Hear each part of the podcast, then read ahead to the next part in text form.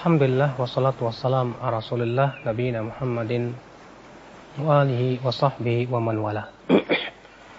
Asyhadu an la ilaha illallah wahdahu la syarikalah wa asyhadu anna Muhammadan abduhu wa rasuluh.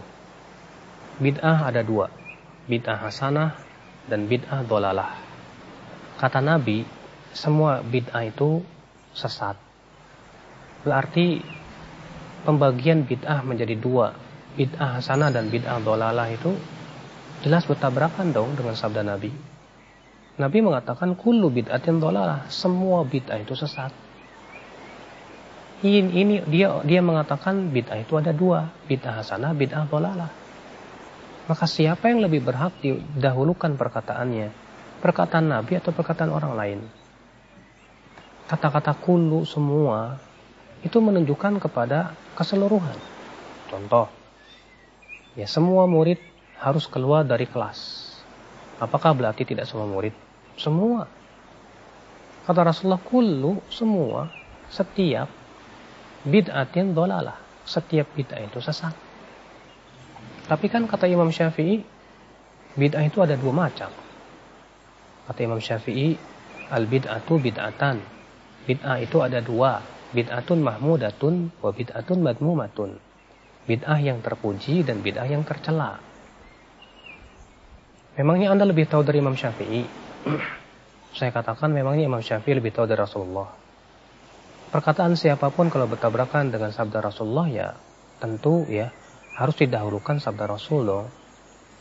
Dan di sini juga kita harus memahami perkataan Imam Syafi'i secara benar.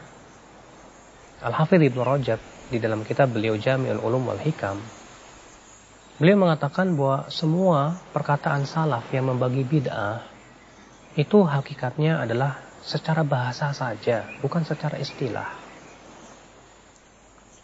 Coba kita lihat prakteknya Imam Syafi'i deh. Sesuai nggak dengan prakteknya yang dilakukan oleh sebagian orang di zaman sekarang yang mengatakan akan adanya bid'ah hasanah dan bid'ah dolalah karena berdasarkan berkata Imam Syafi'i. Coba kita lihat prakteknya.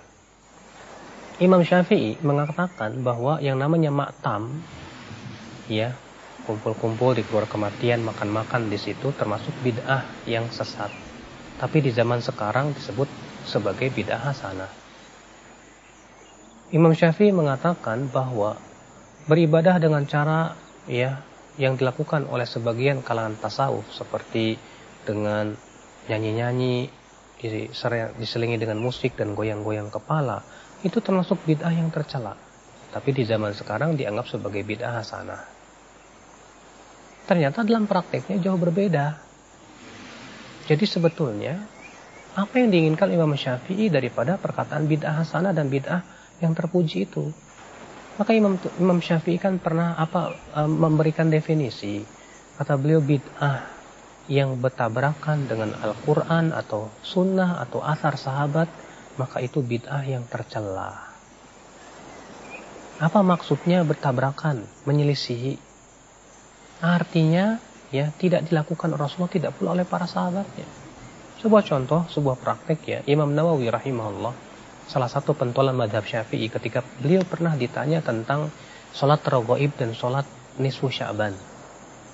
Beliau menjawab, Alhamdulillah, segala puji bagi Allah, fa inna hataini sholatain. Sesungguhnya dua sholat ini tidak ditunjukkan oleh satupun hadis yang sahih. Tidak pula diamalkan oleh para sahabat fahuma bid'atani madmumatan. Maka kedua sholat ini termasuk bid'ah yang tercela. Ya. Lihat Imam Nawawi imamnya madhab syafi'i loh. Ya. Sangat terkenal dalam madhab syafi'i. Siapa yang nggak kenal dengan Imam Nawawi rahimahullah? Ternyata beliau mengatakan bahwa dua sholat ini yaitu sholat nisfu sya'ban dan sholat raghaib tidak ditunjukkan oleh hadis yang sahih tidak pula diamalkan oleh para salafus soleh. Apa hasilnya kata Imam Syafi'i, kata Imam Nawawi, maka itu bid'ah yang tercela. Tapi di zaman sekarang dianggap bid'ah hasanah tidak? Iya. Jadi kok prakteknya berbeda? Aneh. Iya. Maka di sini kita harus pahami, akhi, bahwa bid'ah yang dimaksud oleh Imam Syafi'i, bid'ah yang terpuji itu adalah secara bahasa yang kemudian dikenal di dalam ilmu usul fikih dengan istilah maslahat mursalah. Ya. Seperti misalnya contoh uh, penulisan mushaf Al-Quran. Nggak ada di zaman Nabi, nggak ada, betul. Ya. Tapi ternyata para sahabat bersepakat untuk membolehkan. Apakah itu bid'ah? Kita katakan secara bahasa ya, tapi secara istilah tidak. Ingat, ada sebuah kaidah yang harus kita pahami. Bahwa sesuatu yang tidak dilakukan oleh Nabi SAW itu tidak lepas dari tiga keadaan.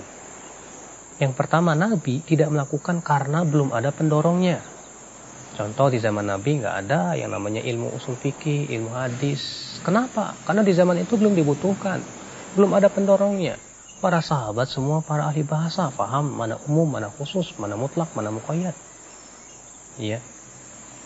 Demikian pula sanad pada waktu itu belum ada. Yang kedua, Nabi SAW meninggalkan sebuah perbuatan karena ya uh, masih ada penghalangnya. Contoh kenapa di zaman Nabi SAW Al-Quran belum dikumpulkan? Jawabnya karena masih ada penghalangnya. Apa itu? Yaitu Al-Quran terus menerus turun, akhi.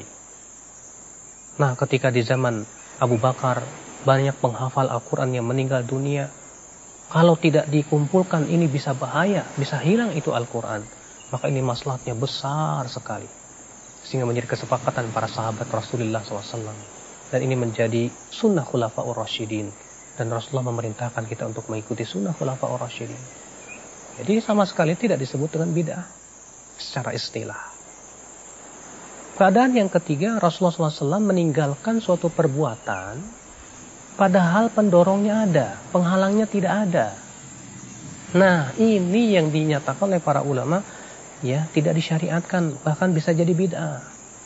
Contoh misalnya, Nabi Shallallahu Alaihi Wasallam sholat duha, sholat, eh, sholat Idul Adha dan Idul Fitri tidak pakai komat, tidak pakai adan.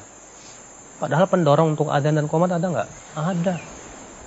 Iya, untuk apa? Mengumpulkan orang. Kemudian ikhwatul Islam azan Allah penghalangnya ada tidak? Tidak ada. Rasulullah mampu menyuruh Bilal untuk apa? Azan, komat. Tapi kenapa Rasulullah tidak lakukan? Jawabnya karena itu tidak disyariatkan. Maka kalau ada orang yang azan, komat untuk sholat idul fitri dan idul adha, maka ini jelas bid'ah.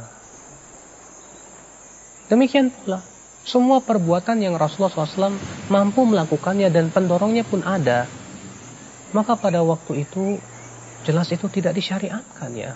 Berbeda dengan dua keadaan yang pertama tadi. Maka kalau memang ada maslahat yang besar untuk membela syariat, apalagi itu membela pokok-pokok agama, maka itu jelas sangat disyariatkan sekali. Maka di sinilah pahami apa yang dimaksud dengan bid'ah. Ya, yang terpuji menurut Imam Syafi'i rahimahullah. Kenapa Umar mengatakan nikmatil bid'atu hadi, sebaik-baiknya bid'ah itu ini, yaitu sholat taraweh. Kata Al-Hafidh Ibn Rajab itu bid'ah secara bahasa, bukan secara istilah. Kenapa demikian? Karena di zaman Rasulullah sholat taraweh itu hanya ya dilakukan tiga malam saja. Kemudian Rasulullah tinggalkan karena masih ada penghalangnya apa itu? Karena takut diwajibkan atas umatnya. Sedangkan sudah kita katakan tadi bahwa Rasulullah meninggalkan sesuatu karena masih ada penghalangnya Ketika penghalang itu tidak ada dan maslahatnya besar boleh. Itu tidak termasuk bid'ah. Nah, di zaman Umar ya, tidak mungkin lagi diwajibkan, tidak mungkin. Maka Nabi Shallallahu alaihi wasallam maka Umar pun menyuruh untuk uh, diadakan kembali sholat tarawih berjamaah sebagaimana di zaman Rasulullah SAW pernah dilakukan. Mungkinkah sesuatu yang Rasulullah pernah lakukan dikatakan bid'ah secara istilah? Tentu tidak, sama sekali tidak. Jadi maksud Umar nikmatil bid'atu hadi sebaik-baiknya bid'ah itu ini adalah bid'ah secara bahasa ingat, bukan secara istilah secara istilah syariat sama sekali. Nah sekarang kalau ada bid'ah hasanah secara istilah, yang menjadi parameter hasanah itu siapa? Ya, hasanah menurut siapa? Kalau ada orang berkata, ini kan bid'ah hasanah, bid'ah yang baik, kita katakan maaf. Baik menurut siapa ya akhi? menurut Anda? Anda siapa? Anda bukan pembuat syariat. Baik menurut kiai, kiai bukan pembuat syariat. Agama ini milik Allah. Agama ini bukan milik kiai, bukan milik ulama, bukan. Agama ini milik Allah ya akhi. Maka kalau yang kita pandang baik belum tentu loh baik di sisi Allah. Bukankah Allah Ta'ala berfirman ya dalam surat Al-Baqarah itu wa asa wa khairul lakum bisa jadi kamu tidak menyukai sesuatu ternyata itu baik buat kamu wa asa dan bisa jadi kamu menyukai sesuatu ternyata itu tidak baik buat kamu wallahu ya'lamu wa antum la ta'lamun Allah yang tahu kamu tidak tahu makanya jangan sok tahu makanya ya akhi agama ini milik Allah maka kita latih memandang baik itu yang menurut Allah dan Rasulnya baik. Kalau itu baik menurut Allah dan Rasulnya pasti sudah dijelaskan dalam Al-Quran, dalam hadis Nabi SAW. Bukankah Rasulullah sudah menyatakan bahwa semua kebaikan sudah dijelaskan? Ya beliau mengatakan ma baqiya syai'un yuqarribukum ilal jannah wa yubaidukum minan nar illa waqad buyyina lakum. Tidak tersisa lagi ya semua yang bisa mendekatkan ke surga dan menjauhkan dari api neraka kecuali sudah dijelaskan semuanya. Sudah dijelaskan, akhi. Agama kita sudah sempurna. Buat apa ditambah-tambah lagi? Ya, apakah Anda meragukan Rasulullah SAW itu telah menyampaikan agama secara sempurna? Maka orang yang membuat-buat suatu ibadah yang tidak pernah disyariatkan oleh Rasulullah, sama saja dia mengatakan Rasulullah belum menyampaikan yang ini, tapi saya tahu berarti sama saja dia menuduh Rasulullah SAW mengkhianati risalah. Makanya kata Imam Malik apa?